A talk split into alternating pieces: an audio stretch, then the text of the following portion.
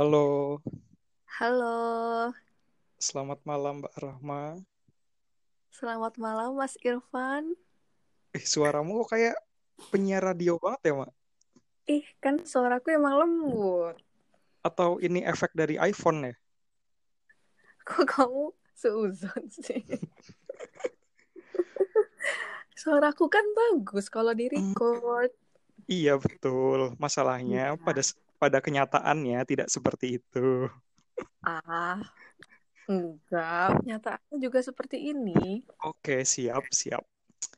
Oke, selamat datang Mbak Rahma di podcastku yang ala kadarnya ini. Namanya Menit Menarik. Nggak tahu sih. Iya, terima kasih Mas Irfan udah mau mengundang saya yang aduh siapa saya ya ini ke podcast yang sangat menurut saya tuh eh kemarin BTW aku udah sebelum podcast ini aku udah dengerin yang sama Mbak Halida itu. Jadi Ah. rada bisa mengikuti lah nanti Mas Irfan. Gimana, gimana? Waktu dengerin itu apa kesan-pesannya? kesan besarnya aduh jadi itu kalau misalkan pas yang Mbak Halida ngomong aku kayak ih iya banget gitu ih Ah, iya banget nih iya aku juga gitu responnya sih gitu sih terus eh, ada beberapa mm, kesamaan ada beberapa memang ya sedikit berbeda gitu ya ya setiap orang juga di video kan pasti beda gitu cuman ya sebagian besar sih sama ya karena mungkin kan yang namanya struggle hidup di luar negeri gitu kan gitu Iya, iya. sih Belum Keren kok, introduction keren. BTW ya. Jadi Oh iya. uh, introduction dulu. Saat ini Ya. sedang bersama namanya Rahma. Nama panjangmu siapa ya, Ma BTW dari Tuh kan. Tuh kan, aduh sakit hati aku ya kan ya. Rahma. Teman Bentar, bentar, bentar, bentar. Pokoknya ada nyontek, nyontek nih kan. ada empat empat Oh. huruf kan? eh empat huruf empat kata kan Rahma, Mm-mm. Mm-mm. Dwi, Delok Instagram gue mesti. enggak belum belum. Siapa? Terakhirnya apa terakhirnya? Pra, pra, Pra pra. Pratiwi. Iya. Oh betul. rupiah. Wih gila, gila, gila. Kalau bener ada back sound gitu ya, teter teter. Biar seperti kuis-kuis di TV. Iya betul. Jadi Mbak Rahma ini adalah eh, kita kenal pertama itu di tempat kerjaan ya dulu sama-sama ngajar bahasa Jepang. Tapi tapi dia dia senpaiku sih. Ih, ya Allah, jahat banget kamu. Kelihatan tua banget emang. Enggak, senpai itu bukan tua muda dong. Senpai siapa yang duluan di situ gitu kan. Dulu kamu lebih dulu ngajar bahasa Jepang kan di LPK itu kan. Oh iya. Eh, Iya, BTW LPK-nya udah masih. Masih. Justru justru berkembang sih LPK-nya sih. Ya bagus kok. karena karena COVID-19 ini jadi ya memang belum bisa jalan lagi lah kayaknya sih. Hmm, oke oke. Iya, jadi eh, oh iya, selamat malam para pendengar ya podcastnya Mas Irfat Menit Menarik. Yo, Perkenalkan nama saya Rahmah Riani Dwi Pratiwi alias nama panggung Rahmah Yayang. Eh, jadi Panggungnya panggungnya di mana Mbak itu Mbak? panggung, panggung dangdut, Pak. Oke, oke. Iya, jadi kita ketemu pas di LPK itu ya, terus eh eh kayak kayak Mbak Halida dong first impression. Kayaknya kayaknya kamu udah ada kepikiran itu tuh dari kemarin-kemarin ya ingin first impression gitu kayaknya sih. Bukan Enggak, natural gitu sih kayaknya sih. jadi tuh pas aku dengerin eh, kamu sama Mbak Halida tuh aku kayak nanti bakal ngomong apa ya gitu nanti bakal ngomong apa. Jadi kayak nggak nggak ngeblank gitu loh maksud aku. Hmm, iya. Oke, Kan first jadi- impression. Iya. Gimana first impressionmu terhadapku ini? Oh aku dulu. Iya dong. Oh iya dulu eh first impressionnya aku kira tuh kita satu umur satu umur ternyata Ternyata aku di bawah ya. Iya, gimana? Emang Anda di atas saya jauh emang jauh ya? jauh dong tiga tahun Beda kan? berapa? Oh tiga. gitu. Iya, iya bapak tiga ya. Mohon maaf. Baru tahu saya. Terus kelihatannya, kelihatannya ya.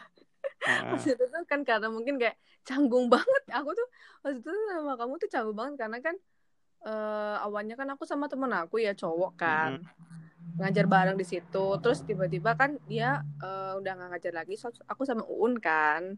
Iya. Terus Mbak datang kamu. Jadi kayak ada cowok lagi seperti canggung gitu. Aku mem- memang tidak terbiasa kalau misalkan ada tiba-tiba cowok yang asing gitu. Canggung banget kan. Cuman eh, untungnya sih eh, kamu ya friendly gitulah sepertinya. Friendly itu Sebelum- friendly itu setelah beberapa saat atau dari awal kelihatan seperti itu?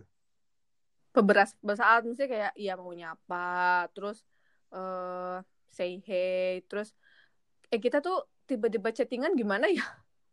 Eh nggak tahu. Oh, Nggak tahu mungkin ya aku juga. gini gini gini. Kalau nggak salah ya. Jadi dulu itu kan aku masuk LPK itu karena rekomendasi dari dosen bahasa Jepangku kan. Mm-mm. Terus dosen bahasa Jepangku itu bilang gini, Van, kamu tahu nggak sih si Rahma Sensei itu sama-sama orang Purwokerto loh gitu.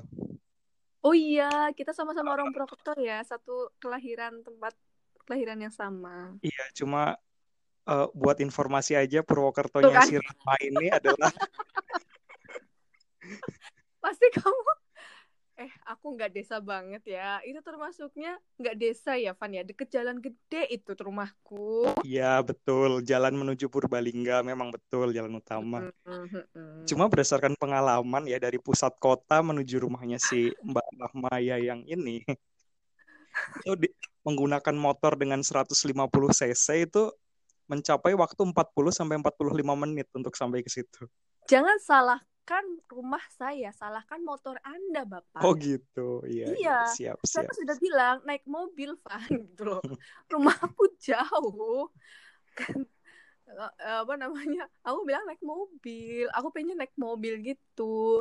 Tapi kamu datang dengan motor kesayanganmu ya sudah tidak apa-apa. Dan menyebalkannya itu pada saat itu si Mbak Rahma ini memberikan share lokasi tiga kali dan itu salah semua. Aku juga nggak tahu swear, aku nggak tahu kalau yang aku share Sherlock itu salah semuanya. Sumpah Tiga, aku nggak enak banget sih tiga maksud kali itu sama salah semua. Tiga kali. ya udah saya mohon maaf ya Pak Maafkan mohon ya. maaf lahir Apa batin Pak lahir batin. tapi kan sekarang udah tahu kan ya jadi kan Iya udah. mm, Mungkin eh, sepulang Mbak Rahma dari Jepang ini mungkin bisa bangun rumah di tengah kota ya mungkin ya. Amin ya Allah doain ya Pak.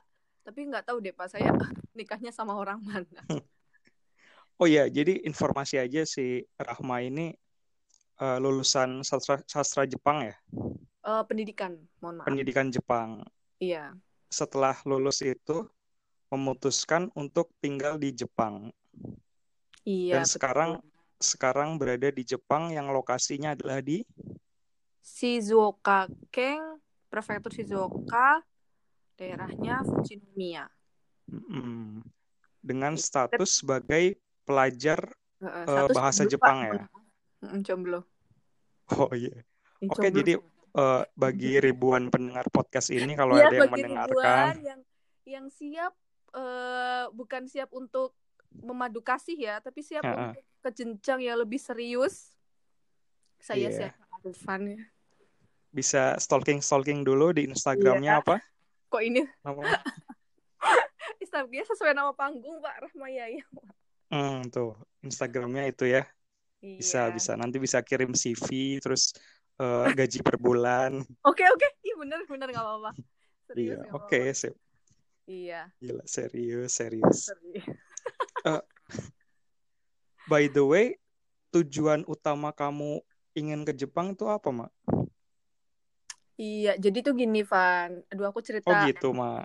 Iya. Eh, sebelumnya gini ya, Van. Aku kan orangnya tipikal yang maksudnya kalau cerita tuh enaknya face to face gitu kan. Tapi Mm-mm. biar maksudnya kalau misalkan face to face kan kelihatan orang yang orang yang kita diajak ngobrol kan lihat mata kita, dengerin kita. Tapi Mm-mm. berhubung berhubung ini apa namanya podcast kan ya pasti kan dengarnya suara gitu Iya. jadi kalau misalkan aku cerita kamu jangan di jangan nyambi masak di dapur ya dengerin gitu aku pertanyaannya memang bisa. bisa maksudnya Hmm. bapaknya nanti jangan jangan tiba-tiba diem saya cerita sendiri gitu kadang saya kalau cerita tuh eh, apa namanya langsung kebablasan gitu kadang harus Hmm, direm oke, gitu loh pak Oke. Jadi ya- mohon bantuannya Ya siap. ya jadi awalnya itu dulu eh, lulus tahun 2018 bulan Juli Eh, jadi sebelum lulus itu saya pernah eh, bukan pernah ya maksudnya eh, ya pasti ya no- eh, menurut aku juga semua lulusan eh semua anak yang kuliah di bahasa Jepang juga pasti ya sebagian besar ya ingin pergi ke Jepang kan tentunya gitu. Pas saya skripsi itu eh pakainya aku aja ya kok saya sih formal banget. Iya, formal sekali. Biasanya biasanya Iya. inyong-inyong gitu kan orang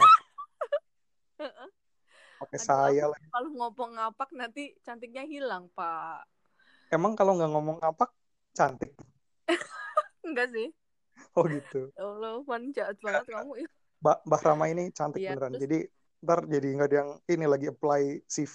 Iya, Iya can- cantik, baik, visioner, cerdas, kumlot dari universitas ternama. Oh, sempurna pokoknya.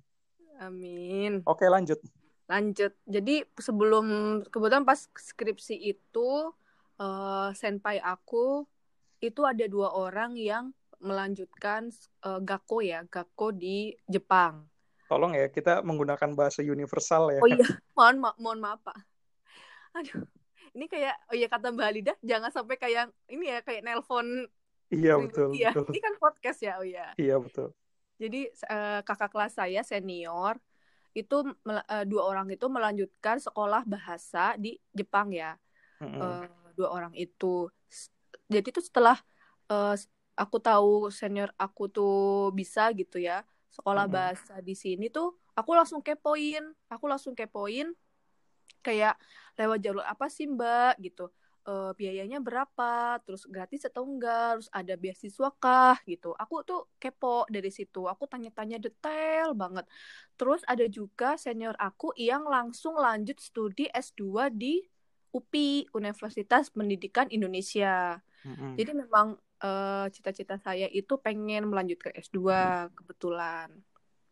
Jadi eh, udah udah ada niatan besar gitu untuk setelah eh, lulus UM di Universitas Muhammadiyah Yogyakarta ini saya akan melanjutkan eh, S studi S2 gitu langsung gitu maksudnya. Nggak eh, ya kalau bisa sih langsung pas itu. Jadi selain aku eh, kepoin tentang sekolah bahasa aku juga eh, nanya-nanya tentang gimana sih eh, cara studi di S2 di Bandung eh, apa di UPI itu yang letaknya di Bandung gimana gimana apa namanya kayak kuliahnya masuknya eh, apa namanya kos-kosannya apa segala macam gitu Mm-mm. Nah, setelah saya bandingkan itu ternyata aku mikirnya dulu, dulu gini Van, maksudnya kayak wah keren gitu ya sampai ke Jepang gitu. Terus kayak uang apalagi kan kalau harus ada harus ada uang, harus Mm-mm. ada harus ada ya mental juga, harus ada izin dari orang tua juga. Apalagi kan yang paling susah tuh itu uangnya kan. Iya. Cuman ternyata eh maksudnya aku mikirnya senpai aku aja bisa, apa senior aku aja bisa, kenapa aku enggak gitu. Mm-mm. Terus eh, setelah dari itu aku tanya, aku tanya-tanya juga kan kayak berapa tahun di sana, terus eh, apa namanya? Oh berarti kayak eh, sekolah bahasa di Jepang itu kayak seperti batu loncatan gitu loh.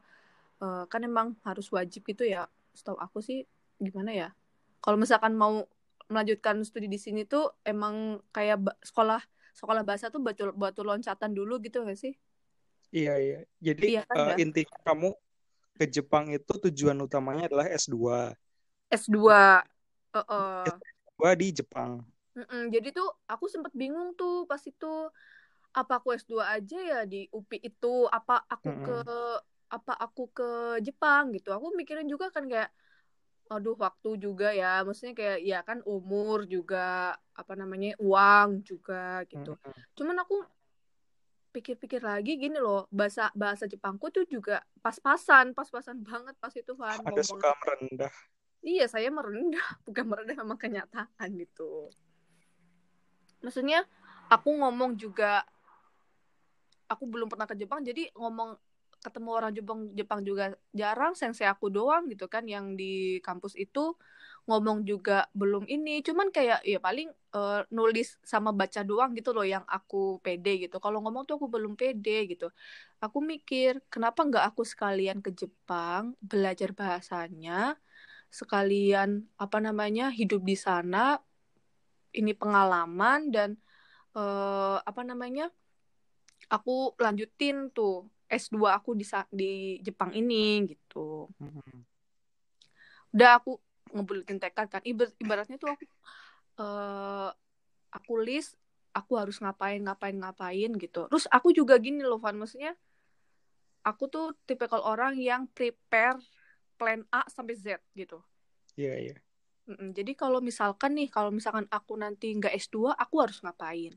Kalau misalkan aku habis lulus, aku nggak keterima, aku aku pulang, aku di Indonesia juga harus ngapain gitu loh. Aku aku juga harus uh, apa namanya itu berpikir yang negatifnya dulu, apa sih namanya pesimis dulu gitu loh.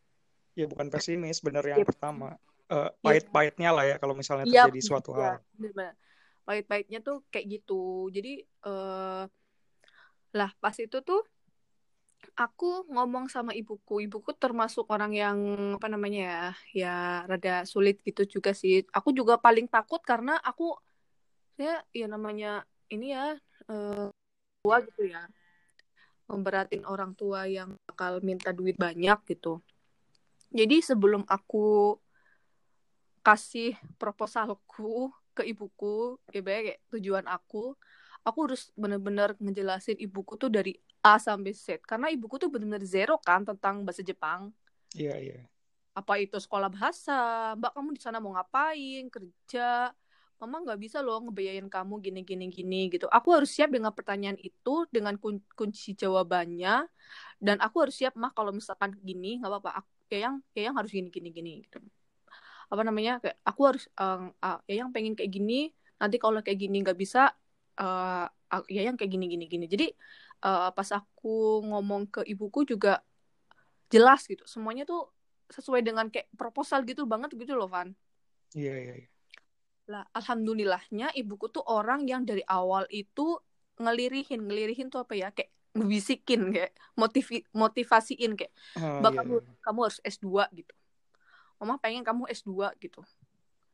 Terus ya kan makanya kan emang ya aku juga pengen dari ibuku juga dorong gitu yang awalnya aku tuh takut gitu ya kayaknya aduh ibuku uh, ngasih nggak ya ngasih nggak ya aku ke Jepang? Gitu. Dan ternyata setelah aku ngejabarin gitu dari awal sampai dari A sampai Z ternyata ibuku tuh setuju dan malah kita nangis berdua di situ. Nangis karena? Nangis karena kayak ibuku tuh ternyata terharu gitu loh. Ih ternyata anakku ini sih ya yang ini kan. Aku di rumah dipanggilnya ya yang kan. Iya iya, iya. si ya yang ini tuh mikir gitu masa depannya tuh matang banget gitu. Ya pas itu ibuku terharunya tuh kayak gitu kayaknya. Ternyata si ya yang ini bisa berpikir ya. Biasanya tuh biasanya kan di rumah kayak ular kasur nggak ngapa-ngapain gitu. Uh, uh. diomelin. Hmm. iya gitu. Jadi oh itu juga apa sih namanya kayak uh, punya eh aku punya impian yang gede gitu. Terus itu juga sejalan dengan ibu aku ya apa namanya kayak ibu aku yang wah ternyata ya yang tuh punya impian yang besar gitu. Makanya ibuku juga mendukung penuh gitu. Antara ya mendukung mental dengan mendukung finansial juga gitu. Berarti pada saat itu ibu kamu belum berpikir bahwa kamu punya mimpi yang besar tadinya? Belum. Oh, begitu. Besarnya cuman itu S2 di Indonesia gitu loh, Van. Hmm, ya ya ya ya. Nggak sampai Jepang. Dulu aku sempat takut, Van, untuk ber berani bermimpi tinggi, beneran. Woi, gila, dalam banget nih, dalam dalam. dalam banget karena gini, aku tuh ter ter uh, termasuknya pesimis dulu Hmm, iya iya iya. Aku takut jatuh terlalu brek gitu. Jadi kayak lu jangan tinggi-tinggi deh gitu. Jangan tinggi-tinggi deh gitu. Tapi pas suatu saat pernah sensei aku bilang gini, kamu kalau misalkan tinggi, ini kayak kenapa orang bilang tinggi tuh tinggi mimpi tuh setinggi mu, mungkin gitu kan? Karena kalau misalkan nggak nggak kesampai pun itu akan mendekati, masuk nggak sih Van? Iya paham paham paham. Contohnya, kamu bermimpi jadi dokter. Mm-mm. Kamu kejar mimpi itu. Tapi kalaupun nggak nggak kesampaian, minimal suster lah, perawat, bidan. Tapi Iya, men- mendekati kan, mendekati ya.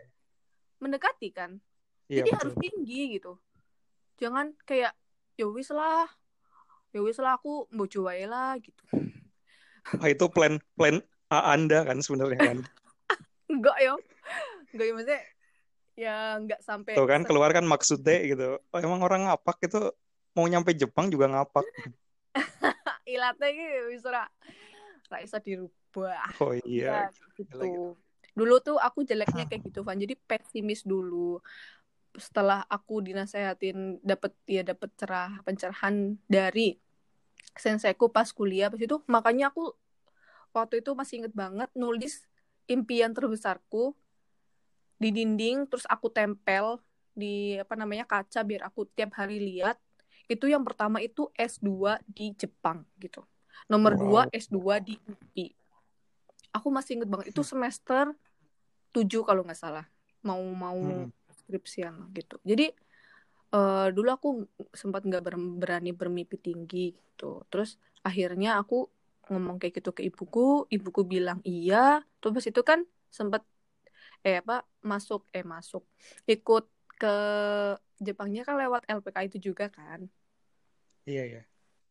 Mm-mm, gitu jadi akhirnya alhamdulillahnya bisa ke Jepang gitu Tapi sebenarnya kayak eh, finish line-nya kamu tuh apa sih, Mak? Jadi kayak pengen jadi dosen atau apa gitu? oh iya dosen Mm-mm. Hmm, jadi emang pada passion akhirnya, aku ngajar kan oh gitu. Emang suka iya ngajar ya? Awalnya aku nggak tahu passion aku apa kan ya semua Hmm, orang betul. pasti gitu lah ya. Iya iya betul kayak betul betul. aku ki meh ngopo baru lulus Mm-mm. gitu. kayak pasti tuh mahasiswa akhir atau mungkin ya pasti pas kuliah gitu aduh aku kerja apa ya? Terus kalau misalkan ada seminar-seminar gitu what is your passion? gitu. Passion Mm-mm. kamu tuh apa? Passion tuh apa? gitu. Aku sempat kayak passion tuh apa? gitu. Aku tuh bisa apa? gitu. Dulu tuh kayak gitu aku ya sama lah sama seperti mahasiswa mahasiswa lainnya pada saat itu ya. Masih labil masih aduh gimana kalau lulus? gitu. Cuman alhamdulillahnya tuh mungkin jalan-jalan Allah juga ya. Maksudnya pas dari setelah LPK itu aku awalnya aduh ngajar nih. Kayak kan dulu kan PKL PPL gitu ya bahasanya. Kan Mm-mm. cuma di SMA SMA gitu kan ya Van. Dan itu juga Iya iya. jamnya dikit seminggu sekali gitu ibaratnya kayak gitu. Cuma kalau di PK LPK itu kan eh, seminggu banyak lah ya berapa kali gitu. Terus apa namanya ya sejam eh tiga jam ya Van ya dulu? Tiga jam satu shiftnya. iya satu shiftnya tiga jam. Jadi kan lumayan kan kayak aku aja kalau kuliah tuh 100 menit satu shift eh apa satu mat- mata kuliah tuh 100 menit.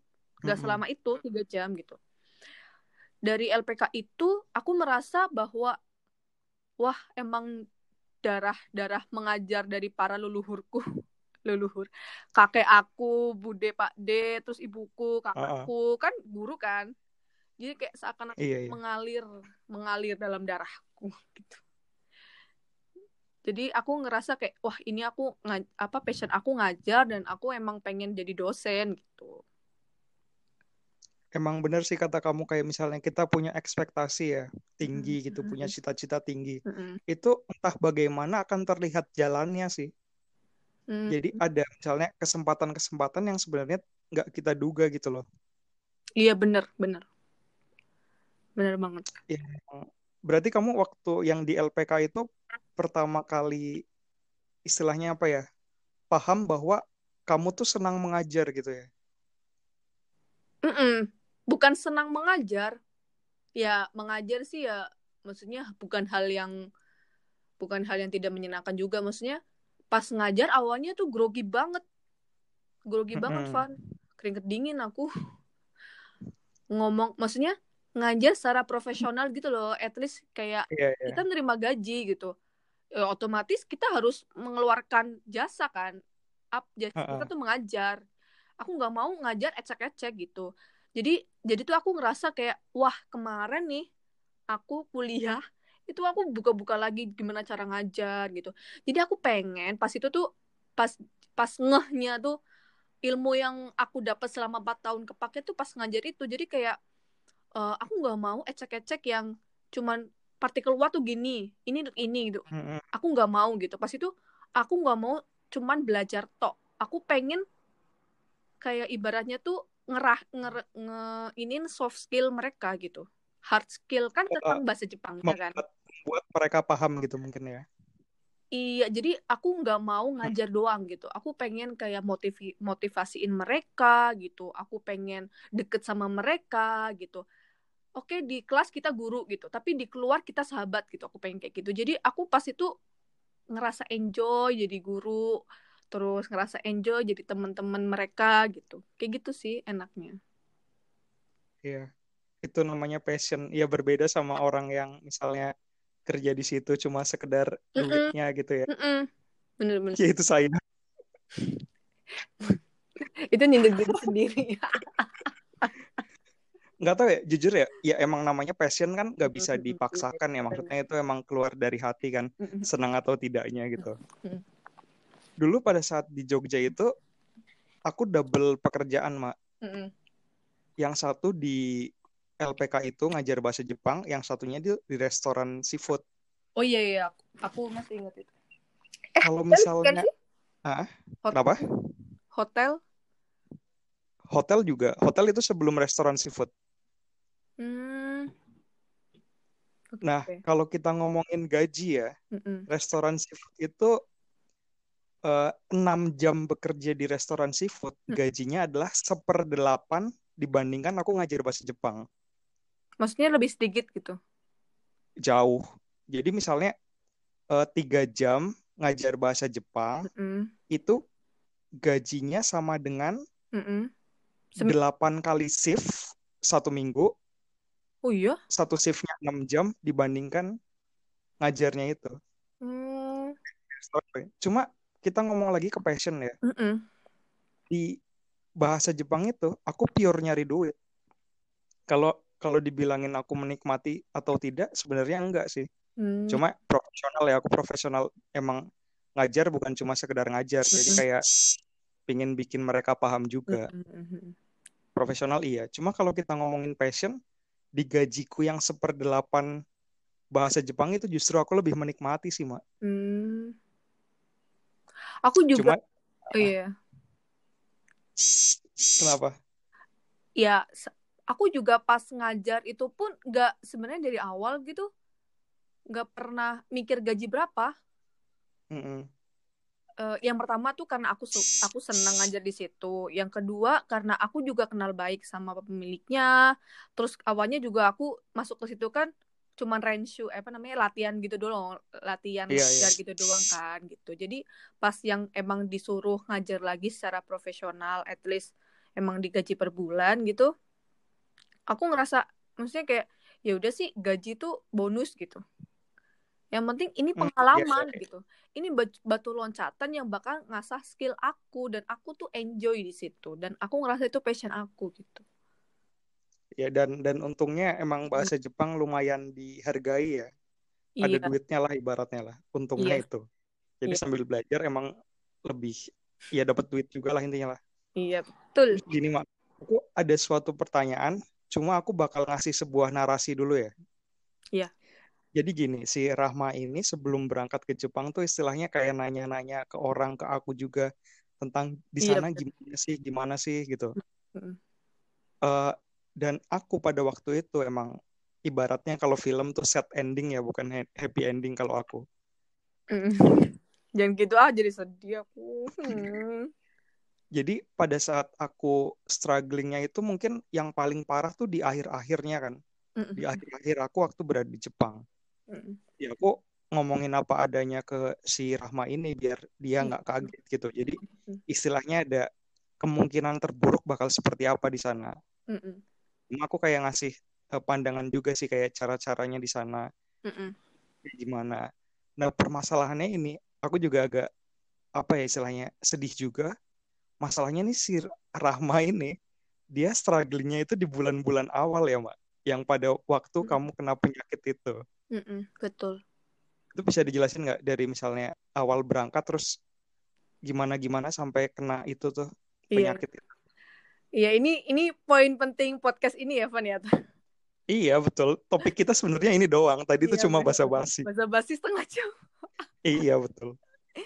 Jadi gini, Van. Aku itu orangnya kan eh biasa lah ya. Apa namanya? golongan darah A gitu, terplanning banget gitu. Jadi pas itu Iya, aku iya. nanya-nanya ke kamu, ke Mbak Halida, ke sen ke senior-senior aku, gimana sih di Jepang struggle-nya apa sih? Makanya dari awal kan aku mesti mikir pahit-pahitnya dulu. Aku Mm-mm. bisa ancang-ancang nih, siap-siap gitu. Pas kamu nih struggle-nya, oh di sana Irfan gak ininya ini ini ini. Oh Mbak Halida gini nih. Otomatis aku ada dong. Kalau misalkan terjadi seperti itu, aku harus ngapain gitu. Iya. Ya, jadi pas itu tuh aku kayak gitu. Makanya aku nanya-nanya ke kamu, Mbak Halida, sampai detail, sampai apa itu. Maksudnya gini-gini Mbak gitu. Karena aku juga nggak tahu kan apa mungkin tentang apa namanya kayak uang atau pekerjaan apa segala macam. Aku harus gimana, gini-gini gini. Jadi ketika aku berangkat di sini, aku nggak blank banget gitu.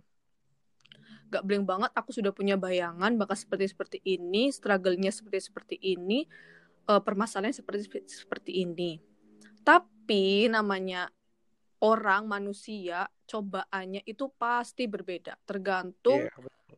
tergantung memang bisanya man- eh, manusia itu gitu Allah tuh ngasih coba cobaannya tuh pasti beda gitu lah kan akhirnya aku datang kan ke Jepang aku datang ke Jepang itu April 2019 eh itu kayak awal pokoknya tuh smooth gitu dipermudah banget sama Allah Mm-mm. merasa aku merasa dipermudah ya maksudnya kayak dari awal gitu alhamdulillahnya nggak dapet uh, apa namanya aku kan sendiri banget kan ya Van ya di sini Iya, ke sini iya. sendiri ya Allah pertama kali cuy ke luar negeri dan itu sendiri gitu tapi alhamdulillahnya diper- diperlancar terus udah tapi gini mungkin eh apa namanya salah ya mungkin kayak culture shock gitu bahasanya ya bahasa keren bahasa Perancisnya ya Iya, iya. Oh, itu Perancis. Oh, iya, iya. udah udah pindah pak jadi tuh culture shocknya aku di sini tuh kerja pul apa baito pulang. Tidur. Besoknya kayak gitu. Monoton gitu. Mm-mm. kayak gitu terus. Dan dan aku tuh ngerasa capek. Awalnya tuh aku ngerasa capek. Gila pak. Uripku koyo ngene bae ngono. Maksudnya kayak Capek itu dalam hal fisik atau mental nih? fisik men fisiknya capek mentalnya kayak gila ini udah senin. Eh kayak ke- perasaan besok kemarin senin sekarang udah senin lagi gitu. Hidup Iya, aku stuck di sini doang gitu. Double ya berarti ya. Heeh.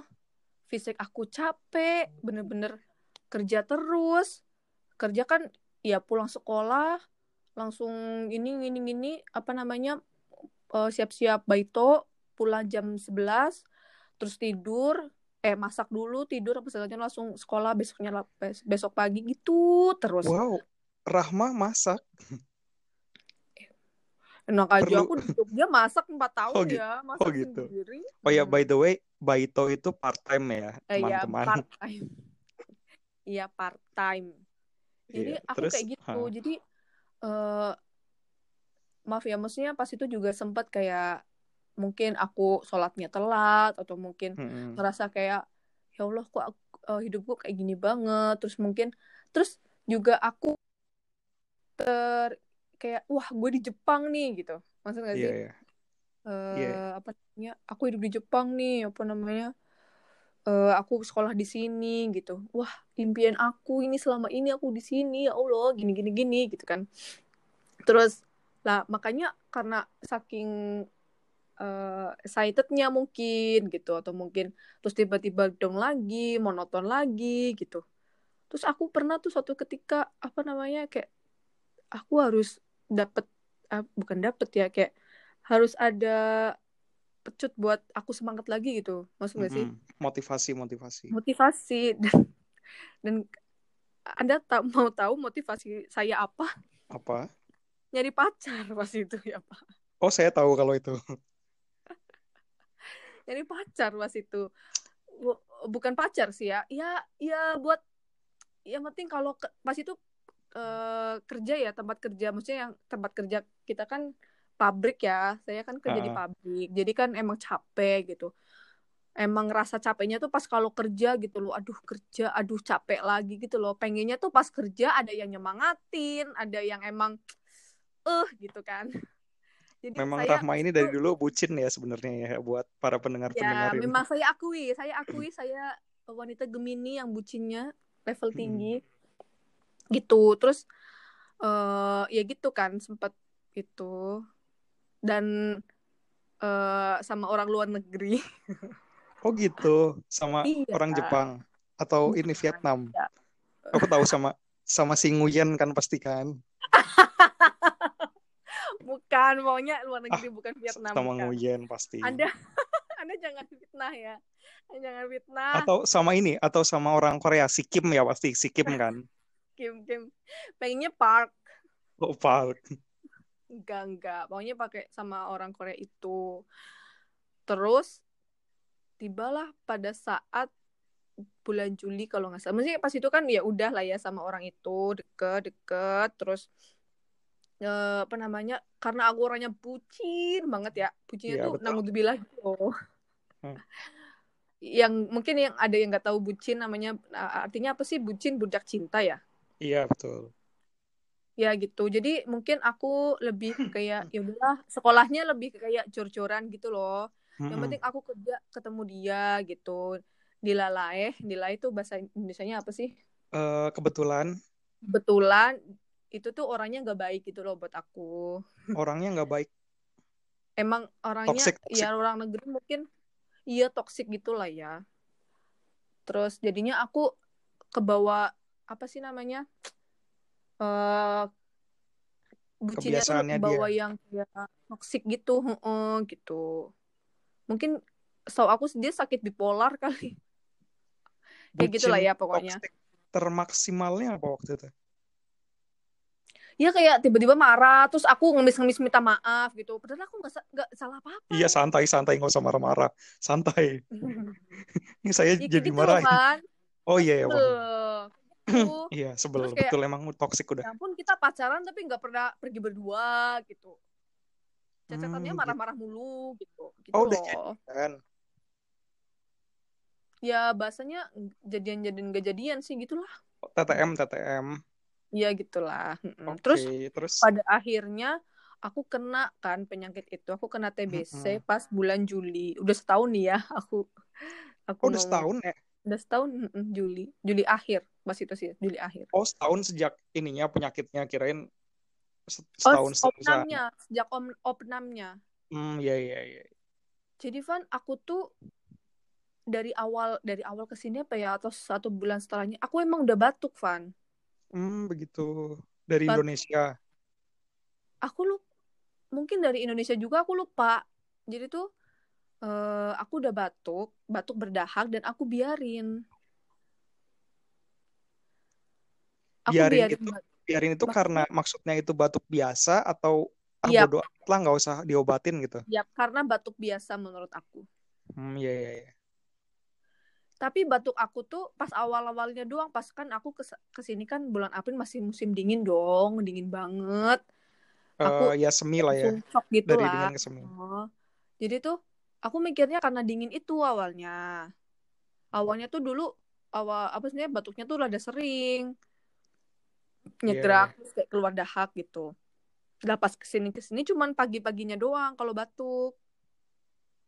Aku biarin Hmm. sampai berbulan-bulan kan itu. Iya. Pada akhirnya keluar darah. Hmm. pas bulan Juli itu pas keluar darah awal, awal keluar darah aku biarin maksudnya kayak aku, aku pas itu keluar hari Jumat ya aku masih masih inget banget. Aku apa namanya aku biarin maksudnya ya udah nanti aku hari Senin aja. Kan Sabtu Minggu libur kan aku Senin aja ngomong ke sensei gitu. Eh pas Senin senseinya nggak masuk tuh pas itu sensei yang aku maksudnya uh, wali kelas aku nggak masuk nggak ngajar apa nggak ngajar atau gimana aku lupa. Terus hari Selasanya aku ngomong. Pas hari Selasanya aku bilang kan aku batuk keluar darah kayak gitu. Senseinya langsung panik kan. Iya. yeah. Senseinya langsung panik terus aku dibawa langsung ke rumah sakit gitu. Ke klinik kalau nggak klinik klinik klinik. Klinik hmm. dulu aku rongsen terus aku dicek darah itu terus kata dokternya itu wah ini harus ke klinik khusus nih. Akhirnya pindah lagi ke klinik sebelahnya. Eh maksudnya bukan sebelahnya klinik satunya lagi. Itu yang emang khusus buat uh, dalam gitu penyakit dalam gitu hmm, sama iya, iya. rongsen lagi cek darah lagi ternyata kata dia Dufan itu aku pertama kali ya pertama kali banget ngomong sama dokter Jepang gitu dokter Indonesia yeah. aja kadang ngomong cepet banget kayak ini bahasa Jepang gitu iya, iya. wah itu ngomong aku bener-bener nggak nggak hmm. paham gitu untung ada sensei aku yang aku tangkap adalah ini apa namanya kayak kemungkinan besar kemungkinan besar ini tuh uh, apa sih namanya dia ngomongnya tuh pokoknya kemungkinan besar ini penyakit ini gitu. Iya. Yeah terus aku kayak wah ini gimana? Tapi aku tetap kayak positif thinking gitu loh. Separah parahnya ini tuh nggak aku nggak pas itu nggak sampai opnam gitu loh Van. Pikiranmu waktu itu. Pikiran pikiranku gitu. Terus oke okay, akhirnya saya saya bilang gitu ini harus uh, dicek di rumah sakit gede gitu. Rumah sakitnya rada jauh satu jam dari tempat aku besok ke rumah sakit ya gitu. Sensenya tuh tapi uh, guru sensei aku guru aku tuh bilang besok ke rumah sakit tapi sekalian bawa sikat gigi ya sama bawa ganti gitu. Terus aku bilang kenapa hmm. sensei gitu. Ya kalau misalkan di opnam sekali udah sekalian bawa gantinya gitu. Terus aku bilang lah saya emang saya harus di opnam sensei aku bilang kan e, tapi kan saya nggak kenapa-napa aku bilang kayak gitu. Iya tapi ini harus di opnam tapi belum tahu belum tahu ini hasilnya gitu loh. Terus aku tetap bersikeras aku nggak mau opnam sensei. Tuh ya udah pokoknya lihat besok aja gitu kata sensei. Ya udah kan akhirnya uh, malamnya aku belum ngomong ke, ke orang tua aku kan. Aku kayaknya ngomong ke kakak aku kayaknya sih. Uh, ya ini besok aku mau periksa ke rumah sakit gede tapi insya Allah doain aja nggak kenapa-kenapa gitu. Pas itu aku sorry, sorry di, aku potong bentar waktu itu kamu nggak mau di opnam itu karena pemikiran tidak mau keluar biaya atau gimana mak? Bukan biaya lebih ke kayak gila apa aku opnam gitu loh. Maksudnya gak sih? Aku takut parah takut parah gitu. Ya aku nggak kenapa-kenapa Van. Merasa tidak kenapa-napa. aku masih merasa alhamdulillah sehat gitu loh. At least iya, cuma iya. batuk doang gitu loh maksudnya. Pas itu ya pas itu aku. Iya, iya. gitu. Akhirnya? Akhirnya pas besoknya aku ke rumah sakit yang gede itu sama sensei aku udah bawa sikat gigi aku bawa baju tidur doang satu maksudnya satu ganti itu hmm. terus udah kan ke rumah sakit gede aku cek cek dahak cek urin cek darah rongsen dan aku dinyatakan tuh uh, bat, apa kena TBC gitu hmm, lah yeah, yeah. for your for your information gitu sebelum aku masuk ke situ ternyata ada teman aku orang Indonesia yang sama udah masuk duluan sebulan hmm. sebelumnya iya iya iya iya seperti itu berarti kamu tertular dari dia nah anda berpikir seperti itu Iya. Dengarkan dulu cerita saya. Wah, masih satu jam kayaknya. Oke, lanjut. Lama banget ini, Van, bakal. Terus, pas itu tuh udah kan, uh, ya itu kan temen aku ternyata udah kena TBC duluan, di opnam di rumah sakit juga se sebulan sebelum aku. Tapi mm -hmm. dia itu di pusat rumah sakit di Shizuoka. Jadi jauh banget dari tempat aku kan, Shizuoka itu. Iya, iya. Bukan jauh banget sih ya. Ya sekitar berapa jam ya naik mobil.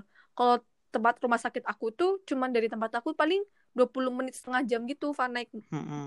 Uh, Densha kereta. Densha adalah nah kereta. gitu dong. Itu aku lah pas yang udah uh, itunya keluar hasilnya keluar aku dinyatakan harus opnam gitu. Mm -hmm. Aku shock kan Astagfirullah gitu kan sensei tapi saya nggak mau dokternya kan dipanggilnya sensei juga kan iya iya sensei saya nggak mau opnam gitu kata sensei ini bukan masalah mau nggak mau tapi uh, Rahma Sang ini harus gitu harus opnam karena ini uh, awalnya aku ngomong dia tuh ngomongnya cepet banget gitu loh yang ngejelasin sensei gitu. Pokoknya kalau kamu nggak opnam orang-orang sekitar kamu tuh ketularan gitu. Iya iya betul betul. Mm-mm, ketularan gitu. Terus uh, aku awalnya bersikukuh gitu. Aku nggak mau kok nggak mau. Akhirnya apa? Aku akhirnya ditinggal dulu di satu ruangan kecil banget pas itu terus akhirnya aku nangis nangis sendiri terus aku nelfon orang tua aku aku nelfon kakak aku aku di opnam gitu kan. Lah kakakku juga kaget ibuku juga apa lagi gitu. Terus ya udah akhirnya aku mikirnya kayak ya udah sih opnam gitu ya Van. Maksudnya nggak apa-apa seminggu dua minggu. Aku mikirnya gitu Van. Mm-mm, seminggu iya. dua minggu gitu. Nggak apa-apa ya udah nggak apa ini demi kesembuhan aku gitu nggak apa-apa. Aku tetap nangis gitu. Terus aku masih pede gitu loh Van. Aku tuh eh, apa ibaratnya bakal keluarnya paling nggak lama gitu. Aku pedenya gitu ya udah nggak apa-apa opnam gitu. Aku sembuh yang penting aku sembuh aku opnam tapi nggak bakal lama gitu aku pedenya. Hmm. udah akhirnya di- ditaruh di satu ruangan gitu. Jadi tuh pas awal itu aku nggak boleh keluar Van. Aku harus di ruangan itu. Pas itu kan masuk siang pokoknya sampai besoknya tuh nggak boleh keluar sama sekali dari ruangan itu terus dari ruangan itu aku alhamdulillahnya udah dapet ganti terus udah dapet makan terus dikasih makan terus eh eh, ya aku pas itu juga telepon-telepon ke orang tua gitu ke teman-teman aku aku dirawat gini gitu padahal semua pada kaget kenapa kenapa? Kamu sakit apa? gitu. Aku juga ya nggak tahu aku sakit apa. Gini-gini. Pas itu kan aku nggak tahu ya pas belum searching searching searching gitu loh aku tuh sakit Mm-mm. apa? gitu orang dia kan ngomong pakai bahasa Jepangnya kan. Iya betul. yang aku tahu tuh virus virus virus gitu. Aku tuh ada virusnya nanti virusnya tuh ke orang gitu. Yang aku ngeh tuh pas itu itu. Terus besokannya aku dibawalah ke ruang paling atas lantai 7 ke suatu lorong. Jadi satu lorong itu ada beberapa kamar lima kamar kalau nggak salah. Jadi sebelah kanan itu kamar sebelah kanan lorong kanan sisinya itu kamar mandi WC dan sebagainya dan satu lorong itu cuman ada pasien aku doang. Jadi aku Wow. tuh nggak boleh keluar dari lorong itu sama sekali pada hari itu. Jadi aku tuh diisolasi, Van. Ini aku bener-bener kayak COVID-19. Ya mungkin sebenarnya pada dasarnya emang bahaya juga sih ya TBC ya. Iya. Memang tidak bisa disepelekan gitu. Oh, gitu. Iya kan aku akhirnya diisolasi di situ. Terus dokter, pas itu aku masih inget banget ya, dokter empat cowok semua, ada yang tua satu, yang lainnya ganteng. Masih inget gantengnya. Aduh. Itu datang ke kamar aku ya, Van. Dan ya Allah ngomongnya cepet banget, aku nggak tahu ini ngomong apa. Pokoknya yang aku tahu adalah minimal aku opnam dua bulan. Wow. Dari dari dua minggu ya perkiraannya. Iya, wah aku ngedrop dong. Wah aku ngedrop banget, Van. Aku bener-bener nangis di situ. Aku nggak mau, aku nggak mau. Aku tetap bersikukuh. Aku bisa keluar dua minggu. Pokoknya aku setiap dia ngomong aku bisa dua minggu. Aku bisa dua minggu keluar kayak gitu. Jadi jadi tuh eh apa ya? Kalau jadi aku juga dikasih tahu sama sensei aku, memang di Indonesia itu eh, penyakit TBC tuh nomor satu di Asia Tenggara apa ya? Paling banyak. Iya iya iya betul. Iya, itu. dan dan di Indonesia itu kalau misalkan TBC itu cuma minum obat doang pulang. Kalau misalkan nggak kenapa-napa, cuman kayak di di isolasi di rumah doang gitu loh, Van. Maksud nggak sih? Iya iya. Emang. Kecuali kalau memang jadi aku juga searching-searching ya. Kadang TBC TBC itu ada efek sampingnya seperti kelenjar getah bening, terus ke paru-paru, terus ke apa segala macam bisa ke merambat-rambat gitu, Van. Ternyata. Wow wow. Iya, dan akhirnya aku tuh ya udah dibilang minimal dua bulan kan wah aku nangis Mm-mm. banget itu Van satu minggu pertama aku bener-bener ngedrop aku nangis tiap hari itu aku seumur hidup aku bener-bener ngerasain stres yang bener-bener namanya stres loh Van penyakit stres loh bukan stres karena stres karena mending kayak tiba-tiba mikir apa gitu. Ini stres yang kalau tidur sebenarnya ma mata kamu merem ya Van. Tapi pikiran kamu enggak gitu. Iya, iya. terus aku pernah, detak jantung, merasakannya kok. Aku pernah merasakannya kok. Detak jantungmu tuh kayak mau mati bukan kayak mau mati. Bukan maksudnya mati. maksudnya ini loh cepet banget gitu loh kayak aduh ini aku kenapa? Aku sampai kayak gitu ya Allah ya Allah ya Allah gitu. Aku ngerasain stres penyakit stres yang seumur hidup aku nggak pernah ngerasain pas itu Van astagfirullah astagfirullah kayak karena aku mikir ya ampun lama banget aku di sini sehari aja aku pengen kayak aduh mau mati gitu loh. Kamu bayangin aku jauh dari orang tua. Aku nggak dijenguk oleh siapa pun. Karena Suster tidak boleh ya? Ya karena tidak boleh sebenarnya boleh cuman kayak teman aku juga jauh kan dan Mm, iya, kerja dan sibuk segala macam orang tua aku jauh di Indonesia gitu. Aku di situ aku sendirian di isolasi dan nggak boleh keluar sama sekali. Awalnya emang nggak boleh keluar Van. Mm-mm.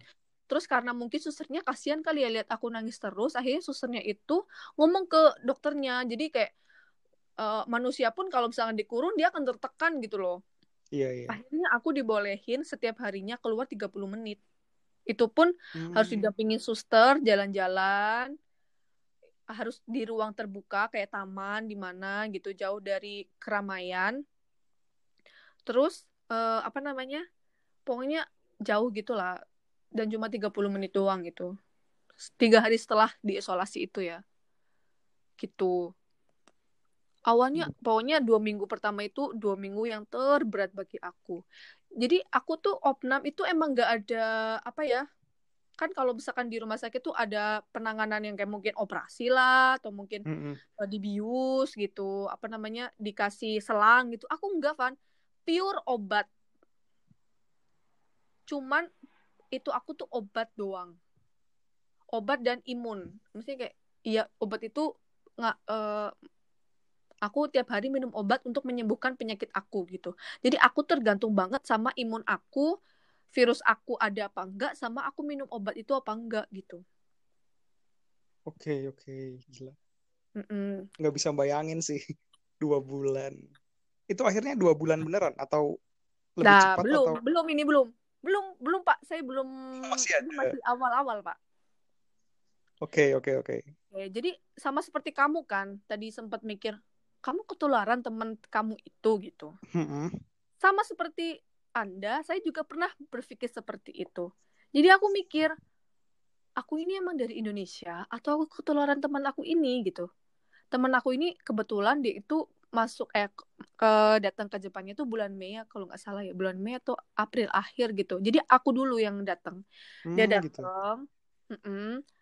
Kalau dia tuh udah kelihatan seperti memang punya penyakit gitu karena eh, kayak perawakannya tuh keri apa kurus gitu. Maksudnya kayak kelihatan nggak sehat gitu. Kalau aku kan subur banget gitu loh. Van. iya betul iya betul Subur banget gitu. Ya aku sempet suuzon gitu ya. Aku sempet suuzon. Aku tuh kena dia gitu. Mm-mm. Heeh. Terus ya aku juga ngomong ke dokternya teman saya juga punya ini dok gini gini jadi dokternya juga bilang gitu "E, keluarga kamu ada nggak? Gitu. Aku bilang nggak ada gitu. Terus mungkin yang kena TBC gitu loh nggak ada aku Iya, bilang iya. gitu.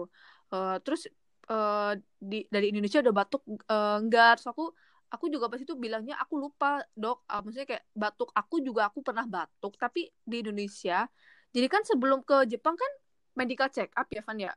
Iya iya aku medical check up tuh aku masih inget banget Oktober dan hasil rongsenku juga kata dokter di Indonesia tuh it's okay gitu. Nggak ada TBC gitu. Mm-mm. jadi aku juga bilang aku da- dari dari dari Indonesia juga kata dokternya tuh nggak apa-apa. Cuman ya aku emang pernah batuk cuman sembuh gitu. Makan obat. Terus ya itu aku batuk lagi di, di Jepang terus ya aku biarin terus batuk keluar darah lagi terus te- ternyata TBC itu terus akhirnya eh apa namanya aku tuh sa- tiap hari tuh ya Van ya. Aku nanya aku nanya-nanya ke suster-suster gitu ya. Pasien-pasien sebelumnya sus di sini tuh berapa bulan? gitu. Eh maksudnya paling cepat tuh berapa? Paling lama tuh berapa? gitu. Ternyata aku tuh pasien paling muda Van. Pasien paling muda. Muda. Jadi tuh pasien pasien sebelumnya tuh umur 40 ke atas yang kena Wow. TBC di sini tuh saking sehatnya orang Jepang loh Van Iya, iya, iya. kamu tahu lah Van orang Jepang kehidupannya seperti apa I know, I know. I you know lah ya jadi aku itu pasien termuda dan eh, rata-rata gitu kata dia ada yang dua bulan dua bulan setengah ada yang tiga bulan katanya astagfirullah aku langsung drop lagi kan. Ya Allah bayangin tiga bulan minimal dua bulan satu ya satu minggu aja aku ngitung-ngitung ya Allah lama banget. Aku Iya, tuh iya, sumpah betul. aku tuh sholat Van pas itu. Aku Iya, sholat dong. Tidak TBC Ya. juga sholat dong. Iya nggak TBC juga soalnya maksudnya aku berdoa sama Allah ya Allah gini. Terus aku juga kenapa kenapa aku ya Allah gini? Kenapa aku di sini gini gini? Gitu. Aku sholat. Aku sempet sempet kayak gitu kayak aku udah sholat aku udah berdoa. Kenapa kayak ya Allah gitu ya astagfirullahaladzim pas itu kan aku kan terus mungkin pas itu kan aku tiap hari tuh nero-nero temen aku gitu loh karena aku kan kesepian ya Van ya aku butuh Mm-mm.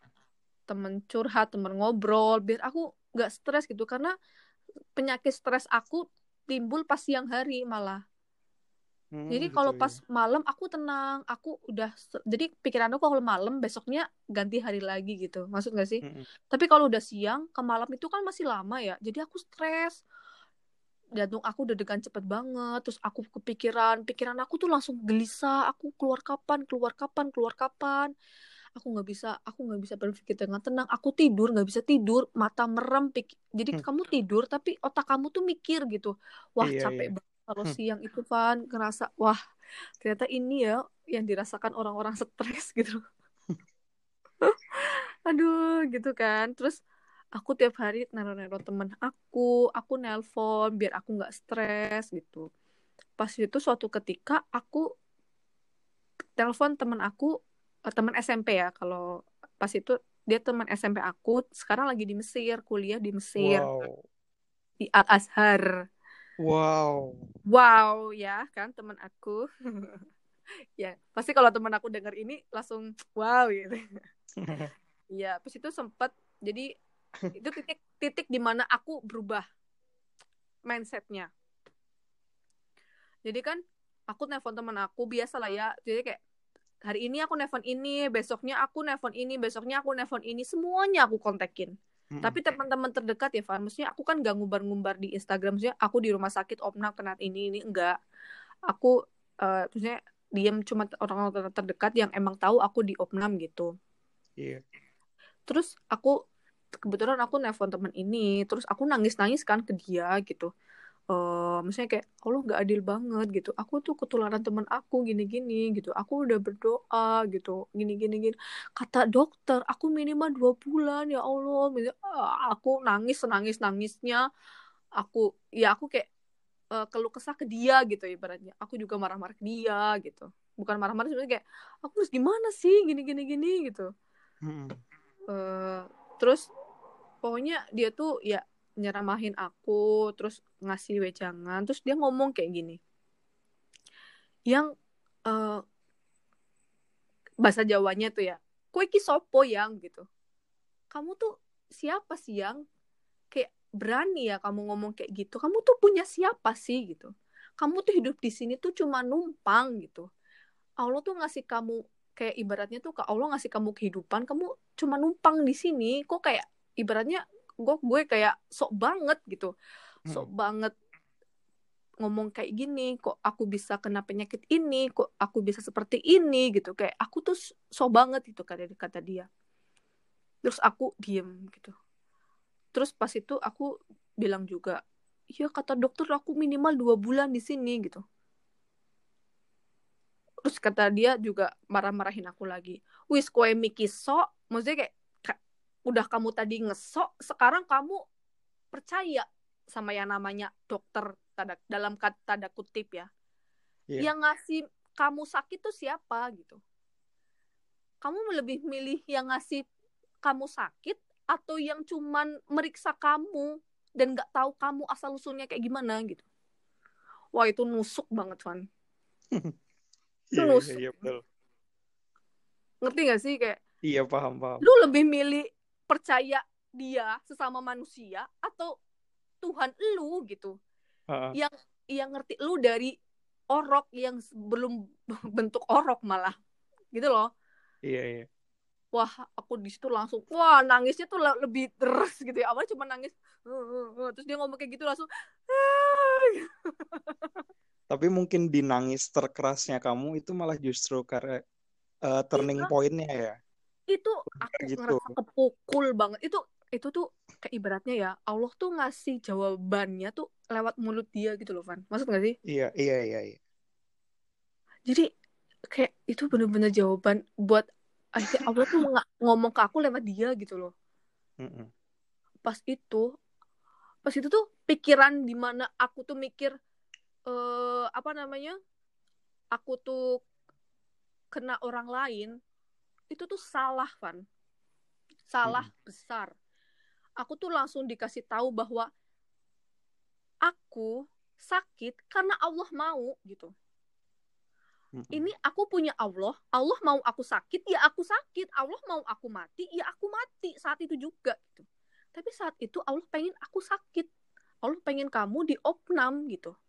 Ya kamu jangan ya ya ya kamu jangan inilah, maksudnya kayak marah lah. Ya kamu harusnya kayak oh, gitu sih Allah, kalau sakit gitu. Ya udah, aku sakit, aku terima dan aku ya nyuwun, nyuwun minta minta sembuh minta ini minta minta ini. Jangan kayak menghakimi lah. Jangan uh, ya gitu ya maksudnya kayak uh, why why me? gitu. Kenapa aku? Kenapa nggak orang lain? gitu. Maksudnya kayak ya suka suka Allah lah. Allah kalau misalkan Allah pengen aku mati aku juga mati gitu loh pas itu kan dia ngomong kayak gitu wah pas itu langsung aku langsung ketampar banget kan Van. Ketampar banget dan omongannya tuh dia memang bener banget dan dari situ aku kayak kebuka gitu. Wah ini yang salah bukan penyakitnya bukan dokternya bukan orang-orang yang mungkin yang aku awalnya aku pikir ngena ke aku gitu. Misalnya aku terkena dengan uh, orang lain gitu ini hmm. ada pada aku sendiri Van. Aku langsung mikir dosa Van. Yang sebelumnya tidak terfikirkan ya? Iya betul. Aku langsung mikir dosa aku langsung mikir aduh aku pengen nangis sih pasti. Pokoknya aku kalau lagi cerita tentang rumah sakit aku pengen nangis apa? Podcastku nih bakal viral kalau ada orang nangis nih. Enggak lah. Abang aku nangis nangisin aja Ayo, nih nangis dong nangis dong nangis dong aduh ya sebenarnya pengen nangis cuman janganlah Van. Aku udah sering nangis sih tentang masalah rumah sakit. Soalnya uh, ini benar-benar ya aku bilangnya titik terendah dalam diri aku gitu. Kata Mbak Halida. Ya, iya. Fatha Halida Fatha emang susah terendah. banget tuh nama orangnya. Bagus ya susah-susah. Eh sorry mak. Jadi mungkin kita bakal nyambung ke episode kedua ya karena kita udah satu jam juga. Jadi emang, potong nih iya dong cuma bakal lanjut lagi biar iya. enak gitu part-partannya. Langsung iya, abis ini abis ini langsung ya abis ini langsung. Cuma aku butuh butuh dipotong dulu karena emang harus part-partan. Oh nanti iya, kita lanjut apa -apa. lagi eh cuman ini udahan gitu maksudnya? Iya abis ini lanjut lagi. Aku potong dulu untuk part satunya oke? Oke oke. Okay. next okay, part dua. dua. Siap